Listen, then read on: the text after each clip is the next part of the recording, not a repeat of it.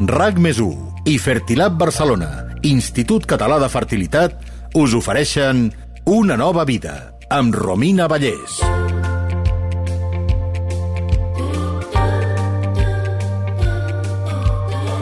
L'any 1975, les dones espanyoles tenien el seu primer fill als 25 anys i mig. El 2021, aquesta edat va arribar als 32 amb 61 anys, gairebé 33 anys, segons dades de l'Institut Nacional d'Estadística. A Catalunya, la xifra és similar. Les dones són mares per primer cop gairebé als 32 anys, segons l'IDESCAT. Una altra dada que serveix per il·lustrar el retard de la maternitat és el nombre de naixements de mares de més de 40 anys que ha augmentat un 38% des de 2011. Només el 5,5% dels nens nascuts fa 10 anys eren fills d'una mare que superés aquesta edat. Ara, avui, ja en són prop de l'11%. En comparació amb la resta d'Europa, les espanyoles són les europees que més estan tenint nadons després dels 40. Els motius econòmics, falta de feina, ingressos insuficients, són el principal condicionant a l'hora de retardar la maternitat, seguits dels professionals. No voler renunciar a una carrera professional, impossibilitat de conciliació amb els horaris i les tasques de la feina, per no parlar de la dificultat per trobar parella. Quantes dones al vostre voltant, germanes, filles, amigues, conegudes, saludades, us venen al cap ara mateix que proven de tenir una relació via Tinder, Bumble o l'app de cites que vulgueu o en persona i sembla que els és missió impossible. També els avenços en les tècniques de reproducció assistida i un canvi de model social protagonitzat per dones que escollen ser mares monoparentals han contribuït a augmentar l'edat de la maternitat. Però també hem de parlar de la desinformació, de la falta d'educació reproductiva, que fa que moltes dones retardin la maternitat pensant-se que la seva fertilitat és eterna. El cas és que anem retardant i retardant i ens plantem als 38, 39, 40 i llavors, quan finalment volem tenir fills, ai, ens topem amb la biologia. Ja no som tan fèrtils i hem de recórrer a la ciència per poder tenir fills. Quina és l'edat ideal per ser mare? A partir de quina edat cau la fertilitat? És cert que a partir dels 35 cau en picat? És bona idea congelar-se els òvuls abans que sigui massa tard? Quan és aquest massa tard? Quin percentatge d'èxit tenen les tècniques de reproducció assistida? Avui en parlarem de tot plegat a Una nova vida, el podcast de rac sobre la meravellosa i moltes vegades no exempta de dificultats d'aventura de tenir fills gràcies a la ciència. Benvingudes i benvinguts a un nou capítol. Us parla Romina Vallès, als comandaments d'aquest podcast, amb Salva Coromina fent el disseny de so. Comencem.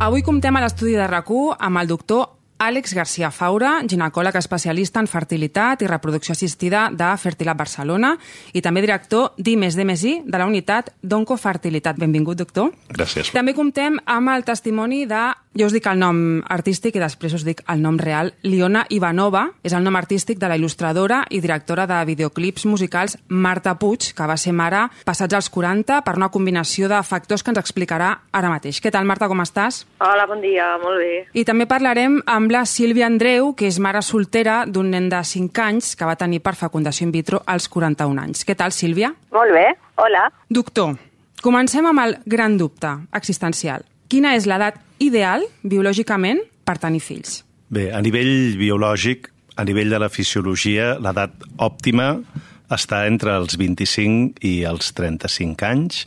És aquella edat en què el cos de la dona s'ha desenvolupat completament. És aquella edat en què tant la reserva ovàrica com la qualitat dels seus òvuls és òptima i, a més a més, és l'edat on aquells riscos que poden aparèixer durant l'embaràs són mínims. I, per tant, eh, l'edat en què les nostres àvies i les nostres mares eren mares és eh, realment l'edat òptima a nivell eh, fisiològic, diguem-ne, per, per ser mare i reduir els riscos a, al mínim. Què passa amb l'aparell reproductiu d'una dona a partir d'aquesta edat en què ja no és tan òptim tenir fills? Bé, realment eh, hi ha dones, i està publicat, que han tingut fills als 50 i fins als 59 de forma natural, però és evident que eh, l'aparell reproductiu, a mida que van passant els anys, d'una banda, eh, a diferència dels homes, que produeixen milions i milions d'espermatozous cada dia, les dones neixen amb un nombre determinat d'òvuls, a partir d'aquell moment ja no en fabriquen ningú més, i aquests òvuls van envellint i van acumulant problemes principalment a nivell del nucli, a nivell cromosòmic, que són els que ens duran després a tenir problemes per quedar embarassada o poder patir avortaments de forma repetitiva a partir dels 35 i especialment a partir dels 38 anys. La Marta va anar a deixar passant el, temps fins als, als 38 tenies quan vas decidir que volies ser mare, no? Per què no vas fer el pas abans? És a dir, tu tenies molt clar que volies ser mare, tenies parella, Sí. i arriba un punt en què dius, ara, i tens 38 anys, per què no el vas fer abans, el pas? Bueno, va ser una combinació de factors que abans nombraves, no? Doncs uh, estabilitat econòmica, por a perdre mm, oportunitats laborals, uh, després, per exemple, jo compartia pis i dius, com et planteges tenir una criatura, no?, compartint pis, que pot ser possible, però, bueno, és bueno, allò que dius, ostres, la societat ens, ens marca com uns camins que hem d'anar seguint, no?, i tu veus que no hi encaixes. I després també em passava que, bueno, tens una parella, però la parella no està en el mateix moment vital que tu i no vol tenir fills. I jo, per exemple, doncs em vaig separar als 36 i, i llavors a aquella edat mm, intenta quedar-te... Bueno, de, de trobar una parella que vulgui ser pare, no? També és molt complicat. I, i ja tens com el, bueno, el rellotge biològic mític, no? I jo en aquell moment, per exemple, em vaig plantejar ser mare soltera i, i just en aquest, en aquest moment que ja estava com seguint els passos vaig conèixer la meva actual parella però clar, mm, vam trigar també uns anys a decidir-nos a, ser, a ser pares no, Mm. mm. no en plan, vinga, va T'a- t'acabo de conèixer i anem a tenir una criatura i llavors, bueno, això, una combinació de, de factors que, que al final dius, ostres, tinc 39 anys i, i evidentment, doncs, biològicament, doncs no, no és factible. A part, a mi se'm, se'm suma el, el factor de que tinc endometriosi Uh -huh. i que m'ho van diagnosticar als 37 anys, que ja, bueno, ja era molt tard, i, i a part tampoc no, no em van avisar prou de, de dir, ei, cuidado, que potser mm, tindràs problemes per tenir fills de manera natural. Al contrari, em van dir, prova-ho. Mm. I bueno, jo vaig estar provant un temps i, no, i, i vaig perdre un, un temps que en aquell moment jo crec, ara ho penso, era or. Era, era valuós. Mm. Mm. I, I com va ser aquest procés des del moment en què dius, ostres, ara sembla que no és tan fàcil, no?, el que jo volia, Mm. ara què, què et Doncs trobes? la, la veritat és que va ser, va ser un xoc, perquè a mi de cop i volta això em van dir prova-ho de manera natural, si d'aquí un any no, no, no t'has quedat embarassada, doncs torna. Clar, vaig tornar i em van dir, ui, però si és que no, no podràs ni amb els teus propis òvuls, hauràs de fer una ovodonació. I em vaig quedar de pedra, clar, de cop Mm. i volta... Mm, dius, però com, com ha pogut passar això? no? I, i aleshores, bueno, jo vaig decidir intentar-ho amb els meus propis òvuls, vaig provar una primera estimulació que no va anar gens bé, però, bueno, soc tossuda i vaig voler fer-ne una altra, i a la segona estimulació, doncs, de, mira, vaig tenir sort i vaig tenir més folicles i, i vaig poder aconseguir un, un parell d'òvuls i al fin, bueno, vaig seguir fent més extraccions per poder tenir òvuls i acumular-los i finalment vaig aconseguir un únic embrió que genèticament era, era sa, és el que em van transferir i actualment és la meva filla. És la teva filla. Sí. I, escolta'm, tu tens un, tens un vídeo al, al teu Instagram on parles Mm. de, la, de la falta d'informació, no? La falta d'informació Sí. que tenim les dones, no només Sí. per l'endometriosi, que és flagrant, la falta d'informació que Sí, hi ha, no? sí. Sinó pel teu, pel, pel, pel teu sistema reproductiu, per com funciona eh, Totalment. una dona, no?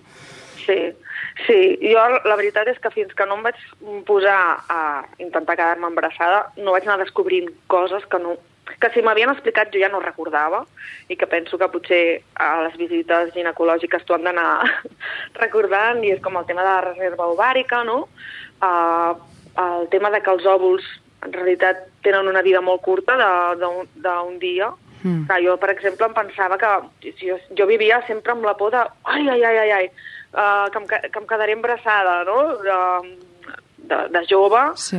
doncs si se m'havia foradat un preservatiu, de seguida anar a prendre la pastilla de, del dia Mm. després, perquè no controlava tampoc el meu cicle, saps? El desconeixia totalment i, i no sabia que, bueno, que realment al final són, són cinc dies, que, que hi ha aquesta finestra fèrtil, no? Sí. Jo potser si hagués conegut millor el meu cicle, doncs potser m'hauria pogut estalviar pastilles del dia després. Jo crec que ara hi ha molta més consciència al voltant d'això, però quan jo era jove no, no jo no, no ho tenia tan present. I després, per exemple, el tema de l'antimolariana és algo que mm. a mi m'ho va haver d'explicar una amiga que estava passant per un procés, un procés d'in vitro i no m'havien dit mai de, de, de mirar millor la meva reserva ovàrica, no? Sempre m'havien fet controls amb ecografies i tal, però mai m'havien mirat la reserva antimolariana, ai, l'antimolariana. La, I, I crec que, bueno, en el cas meu, de, que a sobre se m'afegia que tenia endometriosi, crec que hauria estat bé. Més que res per poder prendre decisions abans, no?, d'arribar als 41 anys, uh mhm. -huh. que és quan em van fer la transferència. Ja que tenim aquí el doctor, expliqui'ns això de l'antimolariana. Què és, doctor? Bé, mira, la veritat és que la, la història que ens explica la Marta és la que ens trobem habitualment a, a la consulta i quan parlem de desinformació durant molts anys hem parlat de medicina sexual i ara hem de parlar de medicina reproductiva o prevenció reproductiva i, i sexual, no? I així com durant molts anys eh, eh, l'anticoncepció li ha donat a la dona mm, el poder no? de, de, de poder eh, decidir el moment òptim en què vol ser mare, crec que tant a nivell escolar com a nivell de divulgació social és molt important poder educar i explicar primer la part de l'anticoncepció, quan una vol no ser mare, però fins a quina edat i quins controls hem d'anar fent per poder-li dir a la dona potser ara ja sí que és el moment que deixem l'anticoncepció si més endavant vols, vols ser mare. El tema de l'antimoleriana o el tema del comptatge foliculars són uns marcadors que ens poden anar indicant si una dona té el risc de que la seva reserva d'òvuls eh, s'esgoti més ràpidament del que és normal. Això ens hi podem trobar de forma natural a partir dels 40 anys, però de vegades ens trobem dones que als 23, als 25, de vegades per una endometriosi o de vegades per una causa desconeguda o genètica, ens podem trobar que això s'avança. I està clar que aquí mm, eh, la medicina de família o el ginecòleg de primària sí que realment té un paper primordial de cara almenys a informar a la dona en cada moment de la seva vida, tant de la part d'anticoncepció, que és el que hem viscut els últims 50 anys, com d'aquelles mesures que es poden anar prenent de cara a preservar la seva fertilitat o poder ser mare amb els seus òvuls en un futur. Si decidim uh, congelar-nos òvuls, quin és el, hi ha un nombre ideal d'òvuls a extreure per, per després que ens serveixin per alguna cosa, un mínim? D'entrada hem de dir que només un 10-15% de les dones que conserven òvuls els acabaran utilitzant. Eh, està clar que quan a una dona li plantegem la preservació d'òvuls, la congelació d'òvuls, que òptimament s'hauria de fer entre els 30 i 35 anys, eh, aquesta quantitat d'òvuls va relacionada amb la qualitat que podem esperar a cada edat. Això vol dir que als 35 anys normalment podem recomanar congelar un mínim de 10 òvuls que calculem que poden arribar a donar un nou nat, als 38 anys aquesta quantitat hauria de ser superior a 20 perquè realment la qualitat i els ah, problemes això. cromosòmics d'aquests òvuls va augmentant molt ràpidament mm. i a partir dels 40 anys eh, podem dir que realment no existeix una xifra que pugui garantir que en un futur aquells òvuls preservats puguin donar, donar lloc a, a un nascut. La Sílvia ja tenia 36 anys quan va decidir congelar-se els òvuls. Per què vas escollir aquesta opció? Tu tenies clar que volies ser mare, oi? Doncs mira, jo amb 36 anys eh, feia un any que m'havia separat de la parella amb la que em veia formar una família i, i que m'havia despertat l'instint maternal i aleshores vaig decidir congelar òvuls per dos motius, bàsicament. Primer perquè pensava que probablement en un futur doncs, tornava a conèixer algú i tornava a estar en aquella situació i pensava que segurament rondaria ja als 40 i que per tant eh, potser tenia problemes per tenir fills i vaig voler ser previsora i vaig decidir congelar-me òvuls. I després també va treure molt la, la pressió aquesta del rellotge biològic a l'hora de conèixer algú, perquè realment per mi era molt forta. Si jo em veia acabant tenint descendència amb algú amb qui, amb qui no conegués gairebé, saps? Com un estrany, perquè mm, de vegades, doncs, clar, coneixes algú amb 30 i llacs i acabes tenint eh, fills molt ràpid i potser és un error, no? I jo volia treure'm una mica aquesta pressió i poder conèixer algú de manera tranquil·la. Però no va arribar aquesta persona, és a dir, a 36 anys tu et congeles els òvuls I ets mare amb 40-41 anys, correcte? Sí, jo vaig ser mare amb 41, gairebé 42. Eh, quan van arribar els 40, evidentment, no havia, no havia arribat aquesta persona, i llavors doncs, em vaig haver de replantejar tot, no? O sigui, la idea aquesta preconcebuda que tenia de tota la vida, de família tradicional, doncs havia de trencar amb ella i plantejar-me d'altres alternatives. Des dels 40 fins als 41 vaig estar mirant moltes coses. Vaig pensar en tenir-lo amb un amic, eh, vaig mirar fins i tot copaternitat, que aleshores era dues webs molt mal fetes i em van donar molt poca confiança. I, i a més, imagina't si és difícil ja conèixer algú, no?, amb qui vulguis tenir una cita, imagina't conèixer algú ja per tenir un fill, o sigui, molt, molt, molt difícil, ho veia molt fred i no, eh, no ho veia per res.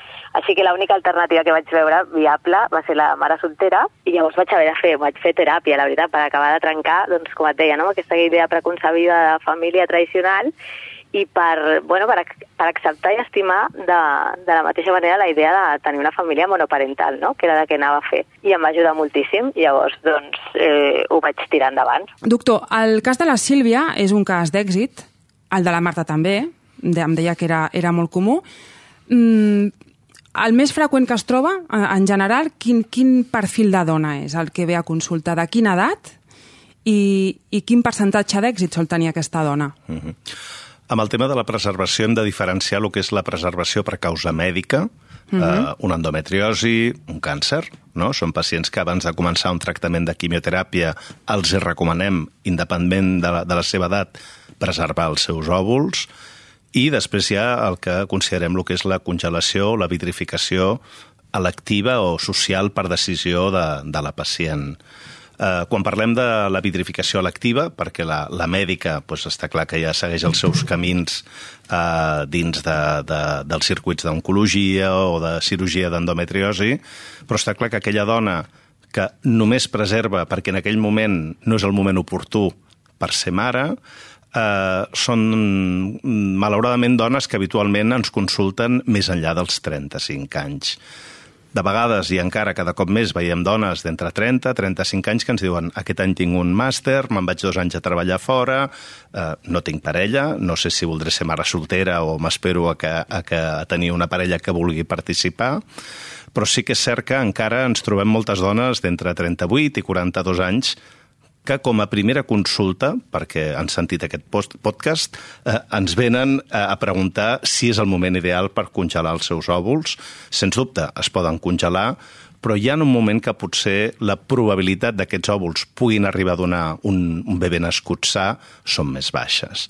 Eh? I també és veritat que el, aquest perfil de dones més joves que ara venen a congelar d'entre 25 i 35 anys eh, és un nou model que estem veient de dones que tenen molt clar que la maternitat dependrà d'elles, no? que realment el model familiar el decidiran elles i decidiran si més endavant volen ser mares mm, soles, si volen que hi hagi una parella home o dona satèl·lit o si volen que aquesta parella s'incorpori a la unitat familiar. Però sí que és cert que aquest model de dona jove, mm, que ja té en principi a nivell laboral o familiar una situació estable, i que decideix mm, prendre una decisió mm, com a dona sola, cada cop és un model que estem veient mm, més sovint. Tenen data de caducitat, aquests òvuls congelats? Que sapiguem, no. Eh, els òvuls, en principi, un cop es congelen, si són òvuls de bona qualitat, si són òvuls madurs, i el procés que tenim avui en dia, que és el de vitrificació, que és una congelació, una congelació ultraràpida fins a menys 200 graus, poden estar congelats 5, 10, 15, 20 anys. Sí que és cert que eh, no els podran utilitzar en aquell moment en què eh, hi hagi una contraindicació per quedar-se embarassades, si hi ha una malaltia greu, o normalment aquí a Espanya la majoria de centres no accepten fer tractaments amb aquests òvuls amb dones a partir dels 50 anys d'edat. A partir dels 50 anys. Uh, però d'homes en trobem uns quants, uh, per exemple, uh, últimament que han sigut pares, i estem parlant de 80 anys i més, eh? el Robert De Niro, el Pacino, uh, Richard Gere és una mica més jove, uh, continua havent-hi aquesta discriminació de gènere entre l'edat materna i paterna. Això és així, no, encara? Sens dubte hi ha una discriminació que és... Eh, bueno, no és una discriminació, és un fet biològic, no? que és el que explicàvem, que els homes seguiran produint espermatozous a milions a lo llarg de tota la seva vida, Sí que es diu que a partir dels 50 anys la qualitat d'aquests espermatozous és, tan, és més baixa, però no tan greu com succeeix amb els òvuls de les dones a partir dels 38 anys. I sí que és cert que la consulta eh, ens trobem i vivim amb normalitat una dona de 30 anys que ve a quedar-se embarassada amb un senyor de 60 o 70, però penso que a nivell social no ho veiem igual quan és una dona de 50 que ve a ser mare sola o que té una parella o un home o una altra dona de, de 20 anys. No? I aquí jo penso que a nivell social, no a nivell eh, mèdic i a nivell del centre, però sí a nivell social, es segueix veient i considerant diferent aquests dos models, no? Són, encara els veiem de forma encara escoltem diferent. aquella frase de se't passarà l'arròs. Marta, tu alguna vegada vas tenir aquesta pressió social? Algú t'ho va dir al teu voltant? Mira, o, tu mateixa? jo tinc la sort de que ningú m'ho ha dit. No. és, és, és fort perquè sé que moltes dones és algo que ho tenen molt present, no? La família, l'àvia, la, la mare, tothom, eh, que en tindràs una nena, no sé què però jo, a mi sí que, la veritat, ningú m'ha generat aquesta pressió. He sigut, potser he sigut més jo, no? Que, mm. bueno, quan veia que se m'anava arribant uh, als 40 anys, de dir, ostres, ostres, mm, és que no podré, saps? Que no podré tenir fills, no... Però no, no, la veritat és que no he patit aquesta, aquesta pressió externa. A qui li recomanaria, doctor, l'opció de congelar-se els òvuls? Perquè, mm, en realitat, al final, el percentatge de dones que utilitzen aquests òvuls és, és baix, és un 10-15%. Per tant, l'objectiu últim d'aquests òvuls, quin és? És molt important explicar a la pacient per què, què és el que ens motiva i a futur realment quines opcions tindrà amb aquests òvuls. Jo sempre els explico que la congelació d'òvuls l'han de veure com una assegurança una assegurança amb el sentit de que un fa una assegurança de vida però no perquè es vulgui morir i un fa una assegurança d'automòbil però no perquè vulgui tenir un accident. Doncs jo penso que amb la vitrificació d'òvuls és una forma planera de que les pacients ho entenguin. Els dic que eh, la vitrificació d'òvuls és una assegurança a futur si mm, realment es plantegen que volen ser mares i ara no és el moment. Tot i això, eh, un, el que ja hem explicat, la majoria d'aquestes dones, al cap de dos, tres, quatre, cinc anys, quan ens diguin ara vull ser mare, sigui amb una parella o sigui soles, els hem de fer entendre que aquests òvuls que hem congelat seran la última opció que els hi proposarem.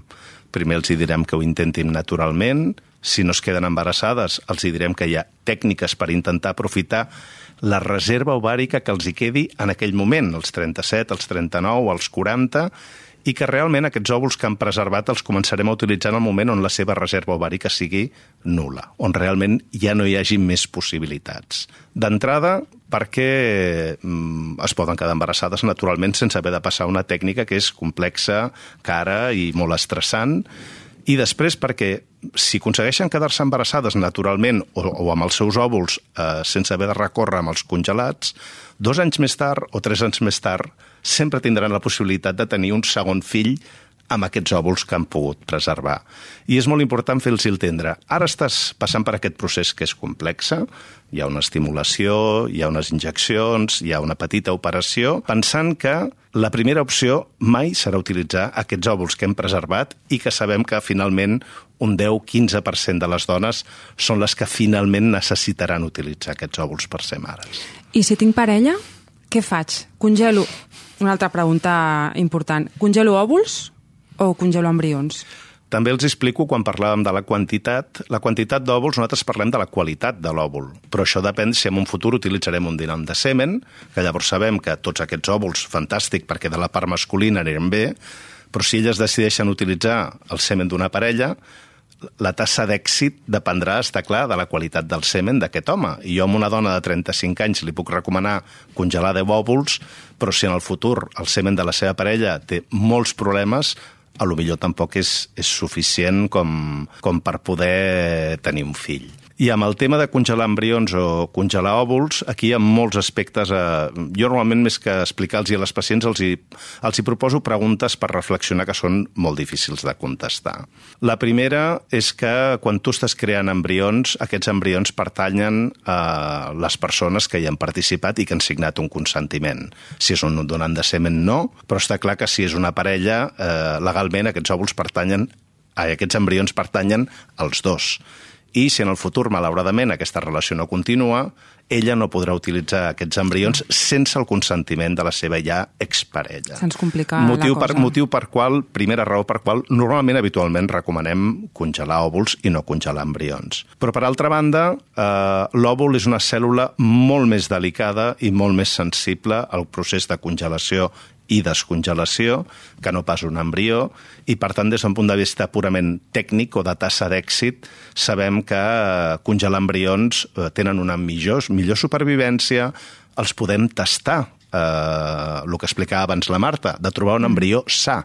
Quan tu congeles òvuls, als 39 anys, tu no saps si aquests òvuls són sants o tindran alteracions cromosòmiques. Mm -hmm. Si tu congeles embrions, abans de congelar-los, els pots, pots tastar i saber realment si d'aquests 5 embrions n'hi ha un que és normal o ningú. I ja realment et pot donar també a futur una, una perspectiva de, de què podràs fer, què podràs utilitzar. Un altre dels temes que, que pengen d'aquest retard de la maternitat és que, ja, ara, ara ho deia vostè, degut a aquest retard ha augmentat el fenomen dels donants d'esperma i també d'òvuls. Clar, això té unes conseqüències bioètiques i mèdiques determinades, no? Quines són aquestes conseqüències? Quines poden ser socialment? La més important jo crec que és l'impacte que pot tenir sobre, sobre la, la persona o la parella, si són una parella, de cara a plantejar-se tenir un fill que no sigui genèticament seu.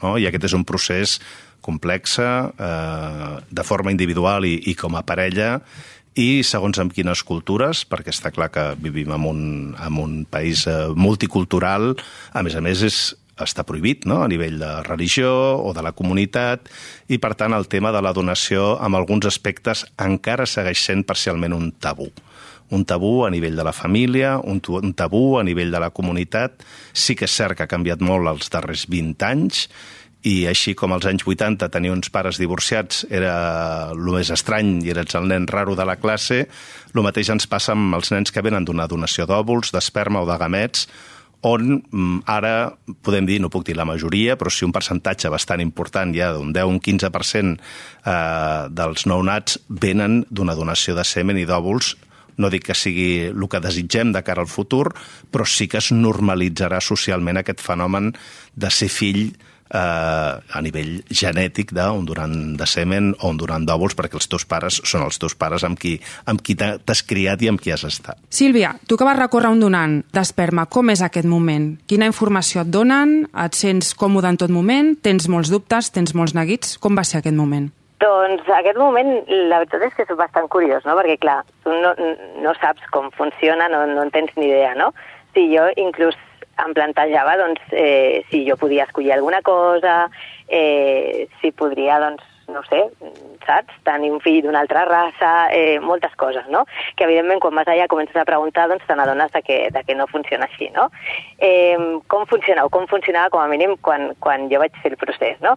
Eh, tu no escullis absolutament res d'aquest donant, o sigui, és eh, totalment il·legal, diguem, no? És un donant anònim, i el que es fa és que es busca una compatibilitat total amb la mare, tant a nivell genètic com a nivell físic. O sigui, jo en aquell moment vaig omplir una fitxa amb una foto meva, de cara, que es veiés bé el color dels meus ulls, el de la meva pell, el meu pes, la meva alçada i els tipus de constitució, no? O sigui, de prima, atlètica, etc.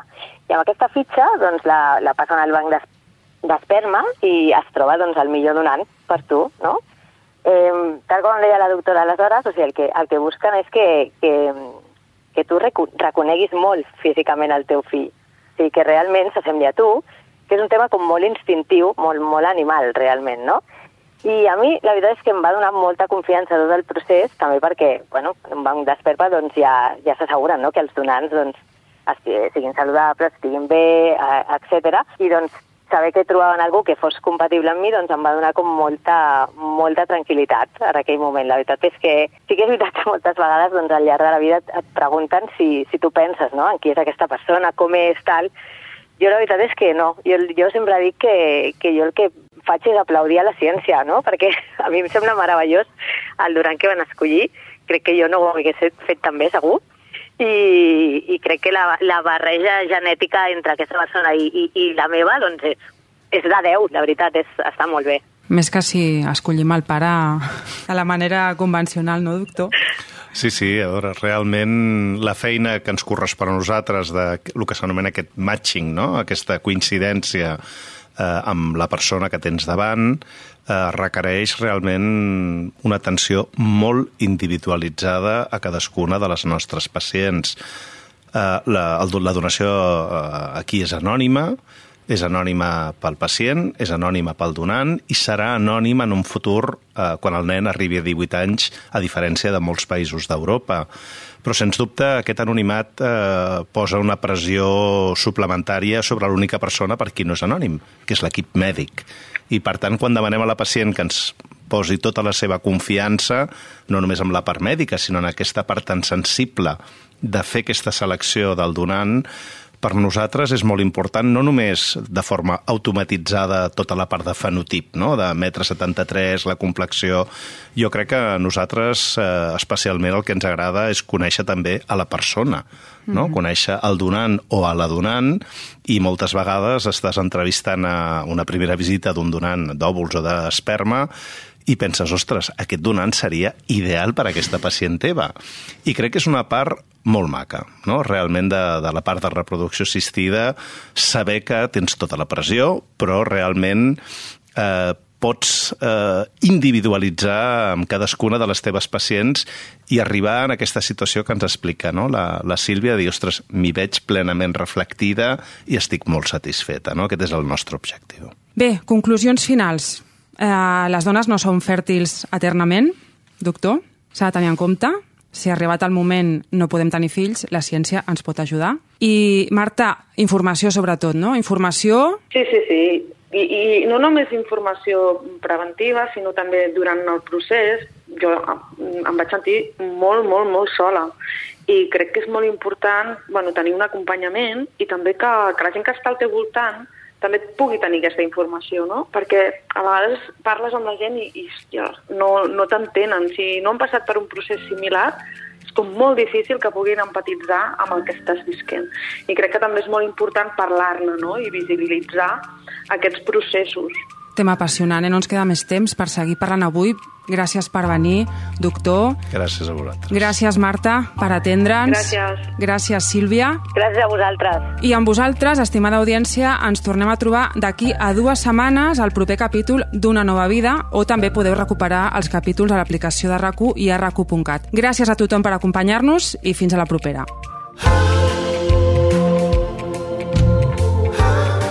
RAC més 1 i Fertilab Barcelona, Institut Català de Fertilitat, us han ofert una nova vida amb Romina Vallès.